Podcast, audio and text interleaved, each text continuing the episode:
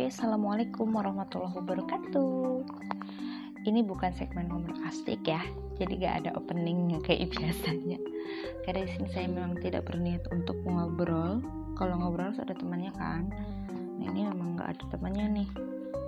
Sengaja aku pengen pengen cerita-cerita aja sama teman-teman pendengar semua. Ya aku nyambi ya, nyambi ngobatin ngobatin cedera yang masih tak kunjung sembuh. Dan ya pendengar semuanya biar saya lekas sembuh jadi bisa aktivitas seperti biasa lagi. Karena sangat tersiksa semua pekerjaan saya baik di kampus baik hobi baik di tempat part time itu pakainya pakai tangan. Tapi beberapa waktu terakhir ini hampir satu minggu tangan saya ini tidak bisa beraktivitas bagaimana mestinya doakan semoga lekas sembuh biar bisa beraktivitas normal lagi ya. Biar bisa nulis lagi terutama saya kangen banget nulis tapi ternyata kaderullahnya Allah kasih cobaan ini jadi ya larinya ke podcast. Loh jadi podcast ini pelarian enggak sih sebenarnya. Oh, ngapain sih? Kok ngobrolin itu?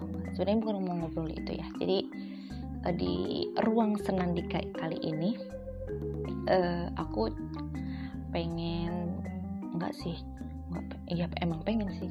Jadi pengen pengen apa ya cerita. Tadi udah bilang ya pengen cerita. Aduh gimana sih? Wah udah mulai ngalur ngider maaf ya.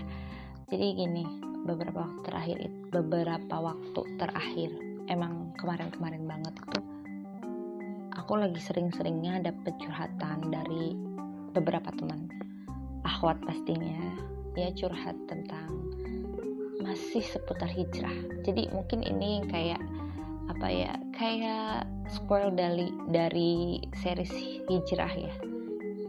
Apakah nanti saya akan tambahkan series hijrah? Nggak juga sih.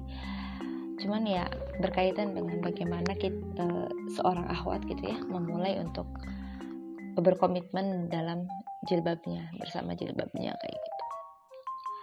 Nah jadi teman-teman beberapa waktu yang lalu itu nggak cuma satu orang jadi hampir satu dua tiga ya 3 sampai 4 orang lah ya yang cerita uh, kepada saya tentang masalah hijrahnya. Ada yang memang kebanyakan sih terkait kendala-kendala lah. Kendala bagaimana ketika di rumah ya.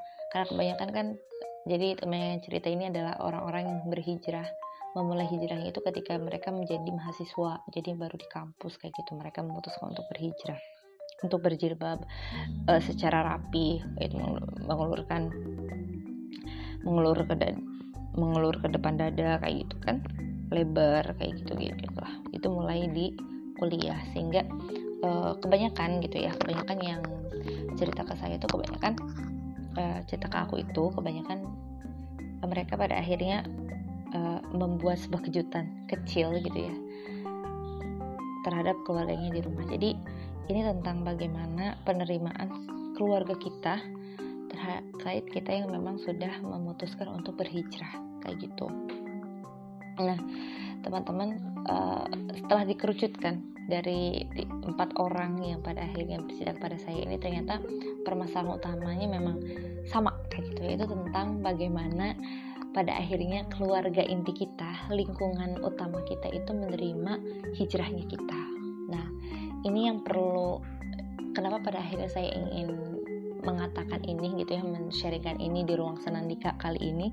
Karena memang ternyata ini mungkin menjadi apa ya menurut aku sesuatu yang dilupakan oleh seorang kita apalagi seorang akhwat mungkin ya. Karena yang sangat menonjol itu kan akhwat kalau misalkan ikhwan kan kalau misalkan ikhwan hijrah gitu nggak terlalu mencolok uh, perubahannya gitu. Sedangkan kalau akhwat kan udah bener-bener fisik banget kelihatan banget kayak gitu. Dari case-nya aja udah sangat beda dari yang mungkin tadinya jilbabnya cuma set-set gitu kan di apa di atas pundak gitu kan di apa itu namanya? Jadi gituin lah ya. Uh, kebayangkan ya apalagi buat uh, mungkin pendengar-pendengar perempuan. E, terus tiba-tiba pulang gitu ya uh, liburan semester nih pulang ke rumah tiba-tiba sudah berubah wujud gitu ya berubah wujud menjadi seorang benar-benar akhwat banget yang tadinya pakai celana jadi pakai rok gitu yang tadinya pakai rok mungkin udah gamisan lah dan sebagainya dan tadinya jilbabnya uh, pendek gitu ya dan hanya di apa dikibaskan begitu saja di pundak tiba-tiba mengelur menjulur hingga menutupi dada bahkan mungkin ada yang sampai menutupi pergelangan tangan dan sebagainya gitu. Nah, dan itu menjadi apa ya suatu momen di mana orang tua atau keluarga atau siapa pun yang melihat kita di rumah itu kaget dengan penampilan kita. Aduh, ini anakku kenapa nih gitu. Pada akhirnya menimbulkan persepsi-persepsi yang kurang baik terhadap kita dan biasanya ya persepsi yang kurang baik itu tuh langsung dijudge secara general terhadap orang-orang yang uh, terhadap ahwat-ahwat yang berjilbab lebar gitu misalkan kamu kenapa sih? Kamu ikut aliran apa sih di sana gitu? Atau enggak kamu jangan nggak usah macem-macem lah ya. Kamu tuh yuk ikutnya yang normal-normal saja gitu kan. Kebanyakan kayak gitu ya terutama di uh, kita yang memang memiliki background keluarga yang sejak awal memang tidak islami gitu. Nggak terlalu religius banget kayak gitu. Ya misal saya contohnya. Jadi ini nanti uh, pentingnya gitu ya pentingnya sebuah komunikasi yang dibangun ketika kita memang harus hijrah gitu. Karena ternyata teman-teman ya ketika kita hijrah memutuskan untuk uh, berjilbab dengan rapih kayak gitu ya dan berkomitmen dalam jilbab itu perubahan yang ada itu bukan hanya tentang kita. Perubahan yang ada itu bahkan tentang keluarga kita dan lingkungan kita dan segala macamnya di, di dalamnya. Makanya uh, sangat menurut saya sebuah kesalahan ketika memang kita tidak mencoba untuk berkompromi berkomunikasi sejak awal kepada elemen-elemen tersebut termasuk kepada keluarga inti kita khususnya ya. Karena kalau mungkin ke lingkungan kan karena mungkin kita memang lingkungannya lingkungan kampus gitu ya lingkungan mahasiswa lingkungan-lingkungan yang terpelajar dalam kan tanda kutip ketika memang pakaian kita seperti itu ya fine fine aja gitu. Kayak udah lumrah aja kalau misalkan seorang uh, seorang yang telah menginjak de usia dewasa ketika dia apa menjadi mahasiswa lalu merubah penampilannya itu suatu hal yang wajar. Itu merupakan sebuah proses pendewasaan kayak gitu kan. Bisa sangat dimaklumi. Tapi beda dengan halnya dengan apa ya orang-orang terdekat kita seperti di rumah kakak kita ibu kita bahkan ayah kita kayak gitu nggak serta merta seperti itu bahkan sekalipun ya orang tuanya yang mungkin memiliki pendidikan yang tinggi juga gak selalu pada akhirnya menerima perubahan anaknya yang begitu drastis. Nah kebanyakan memang ketika saya membersamai gitu ya perjalanan adik-adik saya, terutama adik-adik kelas saya gitu ya, eh, junior-junior saya ketika di kampus itu memang progres mereka itu sangat cepat dibandingkan dengan proses saya dulu. Dalam berhijrah itu sangat cepat banget. Dan wow gitu bagi saya pribadi yang bukan siapa-siapa bagi mereka gitu ya termasuk dalam lingkup lingkaran orang asli itu sangat cukup tercukup cukup terkejut sih sebenarnya apalagi memang orang-orang yang mungkin sudah dekat seperti ibu ayah kakak adik atau keluarga besar lainnya yang ada di rumah melihat perubahan kita yang begitu cepat pasti akan shock gitu.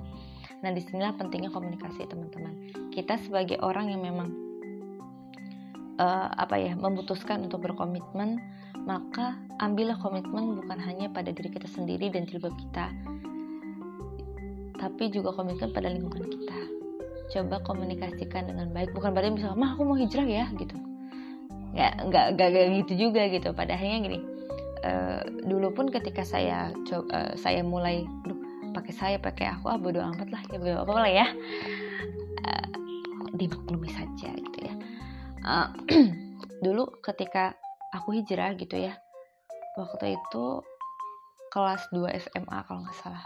Itu saya mulai memanjangkan jilbab terus udah mulai pakai kaos kaki udah mulai membasmi celana-celana gitu ya. Mulai, mulai pakai rok dan sebagainya. Itu kelas 2 SMA itu pertamanya saya nggak bilang ke orang tua mama nggak bilang sama sekali kalau misalkan saya mau menetapkan untuk memutuskan untuk berjilbab rapi dan berkomitmen pada keputusan itu. Itu saya nggak sama sekali nggak cerita. Sampai pada akhirnya ada satu insiden gitu ya yang membuat saya mau tidak mau harus menceritakan agar tidak terjadi salah paham agar uh, keputusan saya ini bisa diterima juga dan agar mereka mendukung gitu. Insidennya adalah jadi ada nggak tahu ya sebenarnya aku juga belum pernah ketemu sama orangnya gitu ya cuman kenal dari teman tiba-tiba uh, nggak tahu dia tahu itu adalah mama saya itu dari mana gitu ya. Tiba-tiba menghubungi via messenger dulu kan hits banget ya messenger kayak gitu. Uh, entah bagaimana caranya mama bisa berkomunikasi sampai bisa tahu nomor HP-nya saya juga nggak tahu. Tiba-tiba saja baik di messenger maupun via SMS orang tersebut itu mengatakan bahwa saya ini perlu diwaspadai karena sekarang itu sedang marak di SMA itu adalah gerakan-gerakan teroris dan sebagainya gitu. Radik, uh, teroris radikalis dan sebagainya. Dan di apa perlu diwaspadai karena saya itu sudah menunjukkan gitu tanda-tanda terrekrutnya sebagai bagian dari orang-orang yang radikal dan orang-orang yang katanya teroris dan pesan itu tuh masuk bukan cuma sekali teman-teman. Bukan cuma sehari bukan cuma satu minggu. Bahkan uh, menurut saya itu udah tahap tahap kayak teror gitu loh ke mama. Baik di messenger maupun di SMS yang mau tidak mau pada akhirnya gitu karena mama mungkin tadinya diabaikan aja karena lama kelamaan kok kok kayak gini sih gitu kan. Ini emang siapa sih? Akhirnya mencoba membuka obrolan dengan aku kayak gitu waktu itu bener gak sih kayak gini gitu kan? Uh, akhirnya saya bilang ya saya memang uh, ikut ngaji di sebuah majelis majelis ilmu kayak gitu majelis taklim ikut ngaji satu pekan sekali. Saya bilang kayak gitu. Dan itu memang sangat berpengaruh kepada proses perubahan penampilan saya. Walaupun memang sejak SMP itu setiap kali uh, memutuskan untuk berjilbab ketika SMP terus pengen pakai rok ketika SMA itu sudah dikomunikasikan sama mama. Udah bilang mah nanti aku SMP mau pakai jilbab ya. Jadi kalau beli seragam yang panjang-panjang itu waktu SMP aku bilang kayak gitu. Jadi semua seragamnya itu nggak ada yang pendek. Di, dibeliin yang panjang-panjang plus sama jilbabnya kayak gitu. Nah waktu masuk ke SMP pun akhirnya aku bilang mah nanti kalau misalkan beli baju ya udah gak usah beli lagi celana ya belinya rok aja mau mulai pakai rok kayak gitu. Walaupun pada pada akhirnya kan ternyata oh ternyata memang seperti ini yang seharusnya. Belum kepikiran kayak gitu dulu. Masih cuma kayak gitu kayak gitu doang. Akhirnya dikonfirmasi ya ikut ikut pengajian. Ada pertemuannya seminggu sekali ada juga yang sebulan sekali. Aku bilang kayak gitu kan ke mama uh, tapi itu bukan gerakan terus itu cuma pengajian biasa ya layaknya ibu-ibu layaknya teman-teman uh, mama kalau seminggu sekali di masjid kayak gitu itu juga sama gitu. Dan itu juga di masjid kayak itu waktu itu. Kadang di masjid sekolah kadang di masjid uh, masjid raya gitu kan kadang juga di alun-alunnya gitu tergantung bagaimana situasi dan kondisinya. Aku bilang kayak gini yang penting kita ngaji pertemuannya itu itu nggak menurut aku pribadi itu nggak menyimpang sama sekali. Aku bilang itu justru dengan aku ikut itu aku tahu oh ternyata kaki juga aurat. Oh ternyata uh, lengan ke atas itu juga aurat dan sebagainya. Dan ter, dan aku banyak banget belajar tentang fikih-fikih dasar seorang wanita saat itu terutama dalam hal berpakaian benar-benar progresnya ya. Tapi step by step gitu nggak serta merta oh aku pakai hands tiba-tiba pakai apa? Pakai handsock terus tiba-tiba pakai kaos kaki enggak itu benar-benar bertahap gitu benar-benar bertahap. Mulai pakai rok dulu terus nanti dirapihin pakai kaos kaki dulu gitu sampai renang aja pakai kaos kaki waktu itu. Lalu baru beli deh beli apa? Manset-manset yang pendek-pendek kayak gitu baru beli gitu. Dicicil satu-satu sampai pada akhirnya bener-bener ya seperti inilah saya kayak gitu. Sampai seperti ini sampai seperti sekarang itu melalui perjalanan yang panjang dan melalui berbagai menurut aku itu sudah bisa dikategorikan fitnah ya. Mohon maaf kalau misalkan mendengarkan nih orang yang bersangkutan ya. Tapi benar-benar saat itu saya gak bisa melupakan bagaimana anda gitu ya uh, mengatakan sebegitu kejinya kepada orang tua saya sampai seperti itu. Padahal orang tua saya sendiri tidak pernah tidak pernah tuh gitu ya sampai misalkan mencurigai saya ikut gerakan teroris dan sebagainya. Bukan sakit hati lebih kok lebih kok anda aja kita ketemu aja belum gitu. Kok udah kayak gitu, gitu. Kesel kan? Kesel nih saya mulai emosi gitu. Jadi memang perlu komunikasi ternyata setelah dikomunikasikan kayak gitu baru di akhirnya mama paham. Sampai pada akhirnya waktu itu sampai di titik saya mau ini apa namanya membasmi membasmi enggak membasmi sih. Jadi menghilangkan semua rok-rok saya dan mulai pakai gamis full gamis. Sampai di lemari itu nggak ada sama sekali rok gitu. Adanya cuma gamis. Bahkan e, pakaian sepotong-sepotong saya jadikan gamis saat itu. Karena memang ya saat itu ya ke prinsip saya seperti itu. Saya mengambil prinsip seperti itu. Nggak usah dicela nggak usah di apa ya wah ini ikut ini nih pasti nggak usah kayak gitu ya. Uh, karena seperti apa pun selama itu menutup aurat dengan baik sesuai dengan syariat itu benar teman-teman. Nah uh, sampai di situ kita kembali lagi ke konteks pada teman-teman kita, saudara-saudara kita yang mungkin mengalami kesulitan yang pada akhirnya tidak diterima oleh keluarganya dan sampai ada ucapan dari keluarganya misalkan seperti ini, entah itu dari papa, entah itu dari mama atau mungkin dari keluarga besar gitu ya. Kamu ngapain sih pakai kerudung lebar-lebar kayak gitu gitu kan? Atau mungkin kayak kasusnya kayak kemarin ada ada tingkat saya itu kayak meot gitu ya dibilangin penguin penguin mujahid gitu kan. Uh, atau mungkin ngapain sih pakai kaos kaki cuma ke apa cuma ke warung depan rumah aja harus pakai kaos kaki ribet amat kayak orang sakit. Pernah mungkin kayak gitu saya juga pernah kayak gitu kan. Kenapa sih pakai kaos kaki gitu kayak orang sakit. Terus atau mungkin kondisi di mana mama tuh pengen kamu tuh kayak kayak kamu yang dulu gitu yang gak macem-macem gak ikut ini gitu. Atau mungkin sampai pada tahap di mana teman-teman itu disuruh sama orang tuanya keluar dari sebuah uh, pesantren misalkan atau mungkin lingkungan tempat bergaulnya teman-teman di kampus yang membawa teman-teman berhijrah gitu. Sampai udah lo nggak usah ikutan rohis nggak usah ikutan kami nggak usah ikutan uh, apalah gitu ya.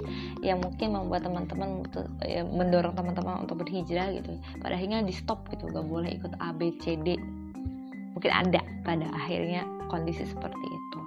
Apa sih yang pada akhirnya membuatkan itu? Ternyata kan setelah saya kerucutkan gitu kan. Kenapa pada akhirnya terjadi hal-hal seperti itu?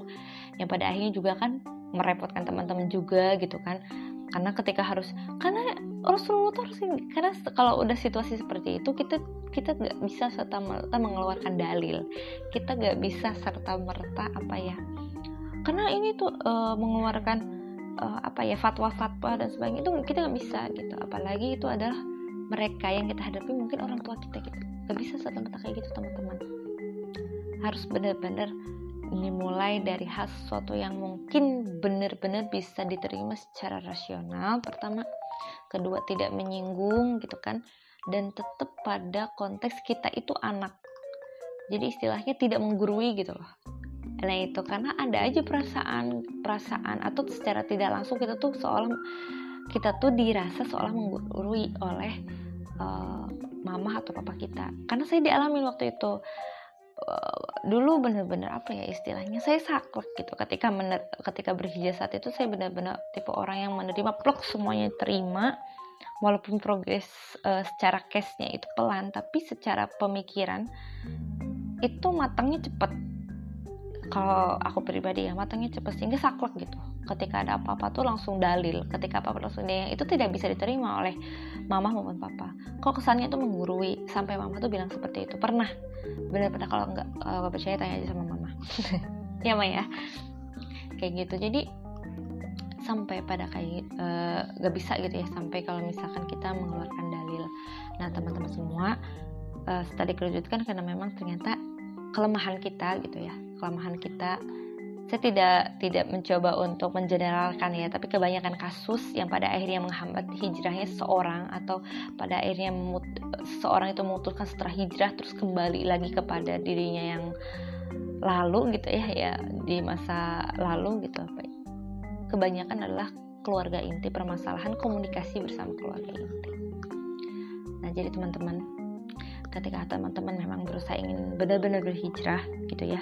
Bukan berarti harus dari awal nggak apa-apa sih. Sebenarnya dari awal ya mencoba untuk memantapkan hati dulu belajar dulu biar ilmunya sampai. Jadi ketika ditanya sama keluarga mama atau papa atau adik gitu kita nggak bingung menjawab apa. Nggak apa-apa gitu nggak dikonekkan dari awal. Tapi memang uh, pada akhirnya kita harus menjelaskan bukan menjelaskan harus memahamkan. Kalau cuma sekedar dijelaskan tanpa tiba tidak dipahamkan gitu ya.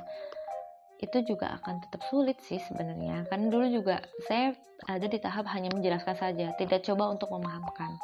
Tapi alhamdulillah gitu ya Allah kasih nikmat pemahaman gitu kepada ya keluarga inti lah ya kepada papa kepada mama yang pada akhirnya itu mendukung. Apa pun yang saya lakukan terhadap perubahan untuk hidup saya gitu sampai sampai padanya keputusan-keputusan tentang or, ikut organisasi A, ikut organisasi B, ikut kegiatan A, ikut kegiatan B itu benar-benar didukung. Padahal mereka ya aku nggak ngajak mereka gitu. Sampai pada akhirnya mereka mungkin kadarullah ya mereka pada akhirnya tersentuh dan ingin ikut pula kayak gitu. Ikut pulang ngaji, ikut pulang itu udah nikmat kayak gitu. Dan menurut aku itu itu juga bisa gitu loh terjadi pada teman-teman semua apa enggak? Jadi aku tuh pengen apa yang aku rasakan apa yang keluarga aku rasakan juga dirasakan sama teman semua. Dan caranya itu memang satu hanya satu itu komunikasi. Jangan sampai gini ya gini gini gini deh. Kita tuh kadang menjadi figur yang baik untuk adik-adik kita di kampus ya kan? Jadi kakak yang baik jadi hmm, apa ma mahasiswa yang baik untuk dosennya dan atau dan lain sebagainya. Tapi ketika kita pulang ke rumah kita lupa. Itu tidak lagi menjadi sosok kakak yang baik untuk adik kandung kita. Kita tidak lagi menjadi seorang pembimbing yang baik gitu ya. Yang apa yang benar-benar mengarahkan memahamkan gitu kan.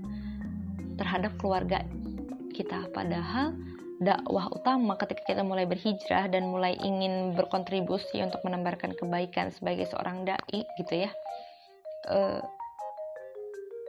apa ya pasien utama? Bukan pasien sih karena mereka kan nggak sakit gitu ya. Emangnya dokter maksudnya apa ya?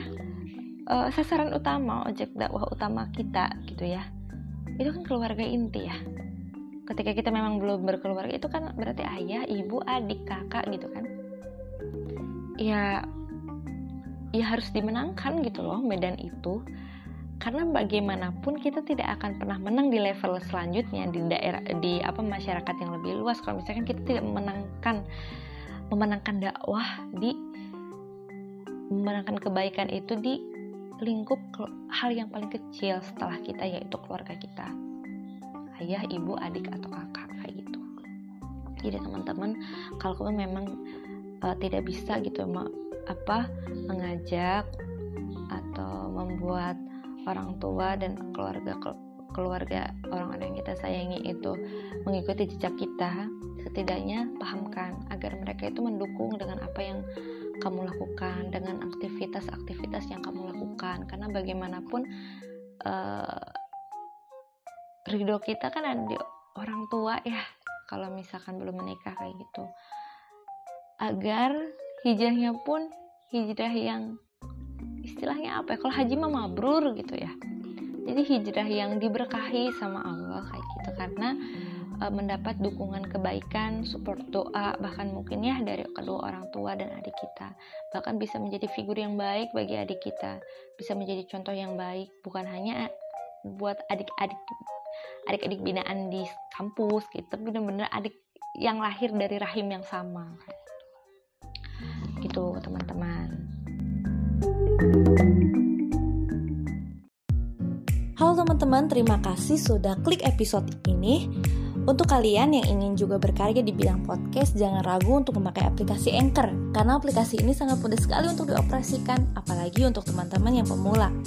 Aplikasi ini juga dilengkapi fitur-fitur editing seperti transisi, musik, yang akan memudahkan teman-teman untuk mengedit audio teman-teman sehingga siap diupload.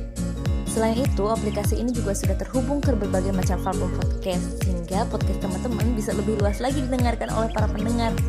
So, jangan ragu untuk memulai dan selamat berkarya!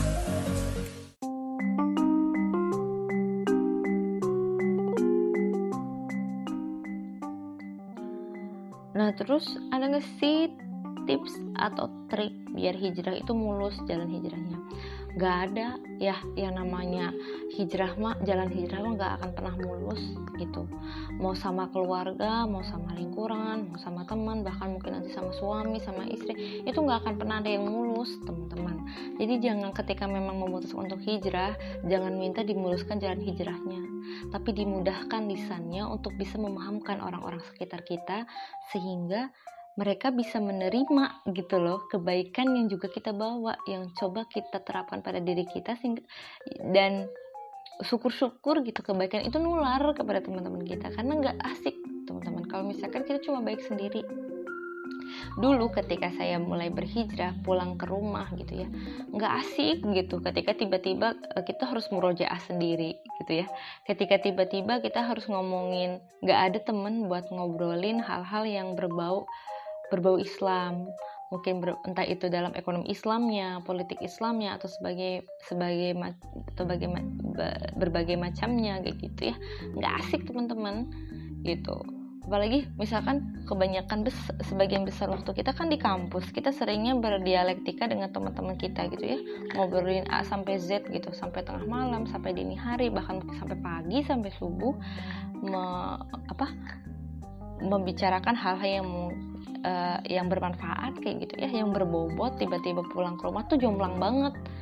Nggak ada yang bisa dibahas satupun gitu kan.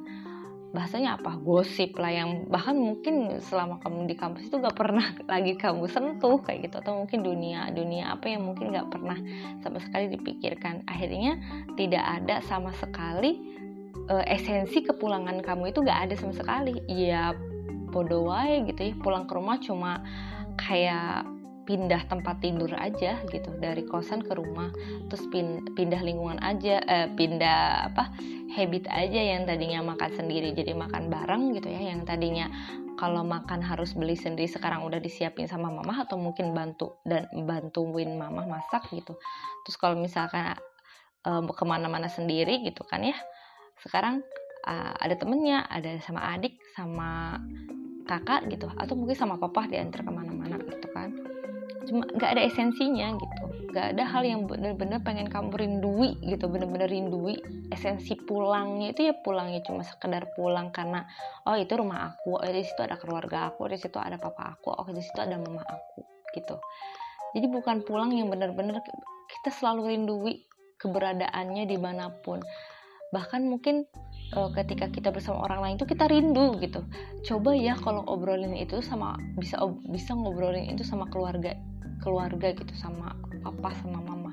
Dulu saya kayak gitu loh. Bener-bener membayangkan coba ya obrolan seperti ini tuh bisa dihidupkan di di di rumah kayak gitu. Karena jomplang banget beneran. Kalau misalkan jomplang soal amalan Yaumi itu kayaknya udah pasti ya. Kayaknya semuanya kayak gitu gitu ya semoga enggak lah ya. Barokallah kepada teman-teman yang memang ketika di tanah rantau gitu ya terus pulang ke rumah amal yauminya masih tetap tetap ini tetap apa tetap stabil lah kayak gitu. Tapi kan kebanyakan kebanyakan nih dapat curhatan juga kebanyakan kalau pulang ke rumah itu malah melempem gitu. Yang tadinya tilawahnya satu juz bahkan ini belum gak sempet sama sekali entah gak sempetnya karena apa ya Allah alam kayak gitu. Kayak gitu kan Terus yang biasanya duhanya rajin duhanya bolong-bolong. Yang biasanya tahajud ini bangun aja nunggu dibangunin sama mama misalkan kayak gitu. Ada aja yang kan kayak gitu bahkan nggak nggak dua tiga aja gitu ya. Ketika memang didengarkan dengan baik curhatan adik-adik maupun teman-teman saya itu banyak kayak gitu ya. Termasuk fase itu juga pernah dialami oleh saya. Ketika di rumah ya melempem banget jomplang sampai saya itu benar-benar kangen banget merasa kangen banget berada di tanah rantau kayak gitu dan pada akhirnya kan saya mikir gak bisa dong terus-terusan kayak gitu. Ya gak sih? Teman-teman juga pasti bakal mikir gak bisa lah kita uh, apa terusan kayak gitu. Masa orang yang paling ingin kita bersama bersama-sama di surga Allah tidak bisa uh, membawa amal yaumi kita itu lebih meningkat gitu? Ya gak sih? Masa kita kan mau meren ya?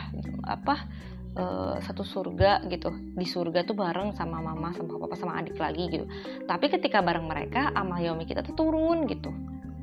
Kan apa ya gak sinkron gitu dengan uh, visi dengan misi nanti nggak sinkron kayak gitu kan harus ada kesinkronan antara visi dan misi gitu kan. Berarti ketika memang bersama mereka maka harusnya amal yomi kamu tuh lebih meningkat biar apa? Biar kamu tuh punya alasan gitu biar buat sama-sama sama sama-sama lagi nanti di surga kayak gitu. Bener gak sih? Nah makanya itu gak bisa gak bisa di ini gak bisa terus-terusan di ini kan. Makanya teman-teman walaupun memang tidak ada tips dan triksnya uh, tips dan triknya alangkah baiknya memang kita tuh berusaha untuk semaksimal mungkin mempertahankan amal yomi kita ketika kita pulang ke rumah. Sebisa sebisa mungkin gitu ya kita tuh bisa memahamkan kepada orang tua dan uh, ayah di rumah. Syukur-syukur kebaikannya itu juga tertular. Jadi ketika kita pulang teh nggak turun karena apa lingkungannya udah sama ritmenya gitu sama yang di rumah. Kan bersyukur kalau misalkan teman-teman yang memang sudah dilahirkan di lingkungan yang sudah terkondisikan seperti itu tapi kan nggak semuanya kayak gitu ya kan? Nah itu jadi kalau misalkan minta jangan minta dimudahkan dalam jalan hijrahnya tapi di diminta agar lisannya dimudahkan dalam memahamkan kepada keluarga. Itu ya teman-teman itu tips kayak enggak sih ya. Kalau tips kan berarti ada poin-poinnya poin-poinnya gitu ya. Step-stepnya gitu ya. Ini kan nggak ada. Jadi itu bukan saya itu bukan tips tapi itu hanya saran. Hanya doa uh, hanya doa hanya saran. Iya apa rekomendasi lah ya. Hanya rekomendasi untuk teman-teman semua. Jadi kalau misalkan berdoa dalam hijrah itu jangan tadi. Muter weh ya jadinya cenanya ngobrol nanti kadit gitu gitu itulah gitu aja mungkin ya buat teman-teman dalam episode kali ini. Aku hanya ingin lebih menegaskan saja soal itu. Bagi siapa pun di luar sana yang sedang berusaha dan sedang berproses dalam uh, kebaikan gitu ya sama seperti saya juga masih terus berproses. Mudah-mudahan prosesnya diistiqomahkan gitu ya uh, dalam kebaikan ini hingga akhir hayat nanti dan mendapatkan akhir yang benar-benar husnul hatimah gitu ya. Dan dipertemukan kembali di surganya. Buat teman-teman semangat gitu ya. Ya seperti yang saya sudah mulai error. Alangkah lebih baiknya kita akhiri saja uh, ruang senandika kita pada episode kali ini. Mudah-mudahan bermanfaat buat teman-teman semua. Saya ucapkan terima kasih kepada teman-teman yang sudah sangat sabar mendengarkan saya ngoceh sampai akhir. Saya benar-benar berterima kasih semoga bermanfaat. Buat teman-teman semoga semua kok semoga. Kok udah error. Buat teman-teman semua semoga bermanfaat. Nanti buat teman-teman yang memang bingung memulai hijrahnya atau mungkin sudah sejauh ini janganlah ya berpikir untuk kembali apa ya menyerah gitu loh. Harus kalau harus kalau harus kembali kepada diri kamu yang dulu yang itu tidak lebih baik dari sekarang janganlah ya gitu. Pasti akan selalu ada jalan kok. Ya siapa tahu yang tadi saya coba buat ceritakan ke teman-teman semua itu menjadi apa ya mungkin uh, setitik ya setitik cahaya di antara kegelapan yang ada.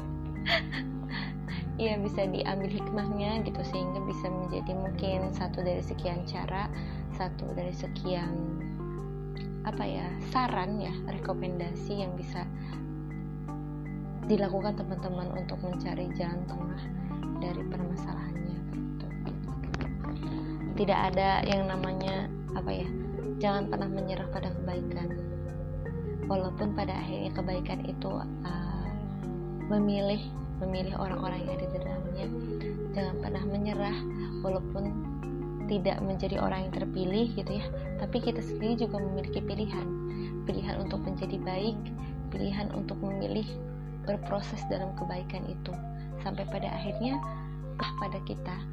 Dan menjadikan kita bagian daripadanya yang tidak akan pernah terlepaskan. Yeah. cute banget sih cute. Apa sih? Kok cute? Bagus banget ya ocehannya yang terakhir itu sebagai statement. Oke daripada saya ngaco lagi uh, kita akhiri saja. Sampai jumpa di ruang senandika selanjutnya. Wassalamualaikum warahmatullahi wabarakatuh.